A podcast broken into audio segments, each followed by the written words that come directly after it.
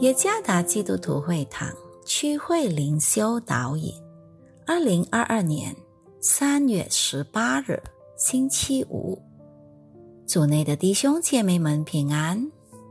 今天的灵修导引，我们将会借着圣经哥林多前书第六章十九和二十节来思想今天的主题：无价的救赎。作者林金仙传道，《哥林多前书》第六章十九节：岂不知你们的身子就是圣灵的殿吗？这圣灵是从神而来，住在你们里头的，并且你们不是自己的人，因为你们是重价买来的。所以要在你们的身子上荣耀神。一名日本北海道渔民冈田干雄 （Miguel Okada） 被发现冻死。他被发现冻死，是因为要保全他才九岁的女儿夏音那索尼的生命。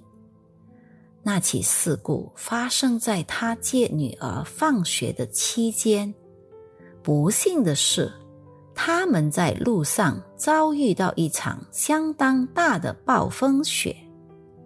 冈田试图保护他的女儿，给她披上自己的厚夹克，把身体紧贴在一起来取暖。好让夏英能继续存活下去。当被发现的那一刻，夏英披着他父亲厚厚的夹克，在死去的父亲怀抱里，哭得泣不成声。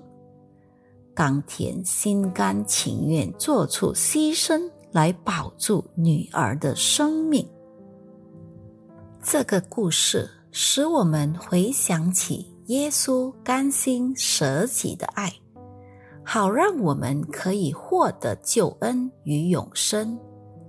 我们本应为我们的罪孽和过犯而死，然而基督却已经把我们完全买回，又将我们赎回，不是用暂时性的财富或东西。